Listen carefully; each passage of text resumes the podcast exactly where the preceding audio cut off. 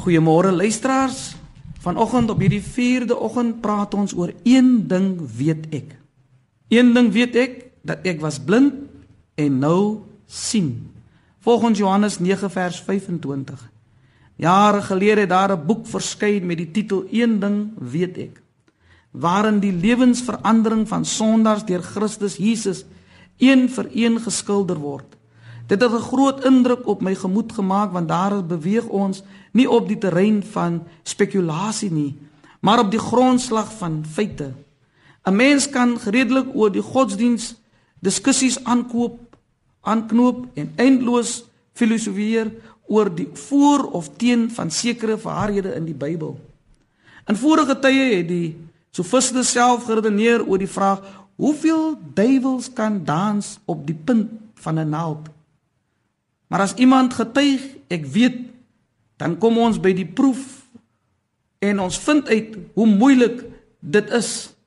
Hier het ons 'n geval waar 'n man blind gebore was en deur Jesus Christus genees is. Die Fariseërs was nie tevrede dat hy op die Sabbatdag sy gesig teruggekry het en hom ondervra. Hulle het hom en sy ouers lastig geval met allerlei bedenkinge teen die genesingswonder. Wie is hierdie man? Hoe het dit gebeur? Waarom op die Sabbat? Die blindgeborene het eintlik net een argument gehad. Een ding weet ek, dat ek was blind en nou sien. Vir hom was dit die grootste gebeurtenis van sy lewe om blind te wees, om in die duisternis te leef, om net die kleur van die natuur en die oë van jou dierbares nie te sien nie, moet 'n droewige staat wees. Daarvan hy hou en daarom het hy hom verlos daarvan. Maar om geestelike blind te wees, om jou eie natuurlike toestand nie te besef nie, om die wondere van die koninkryk van die hemel nie te sien nie, is nog treuriger.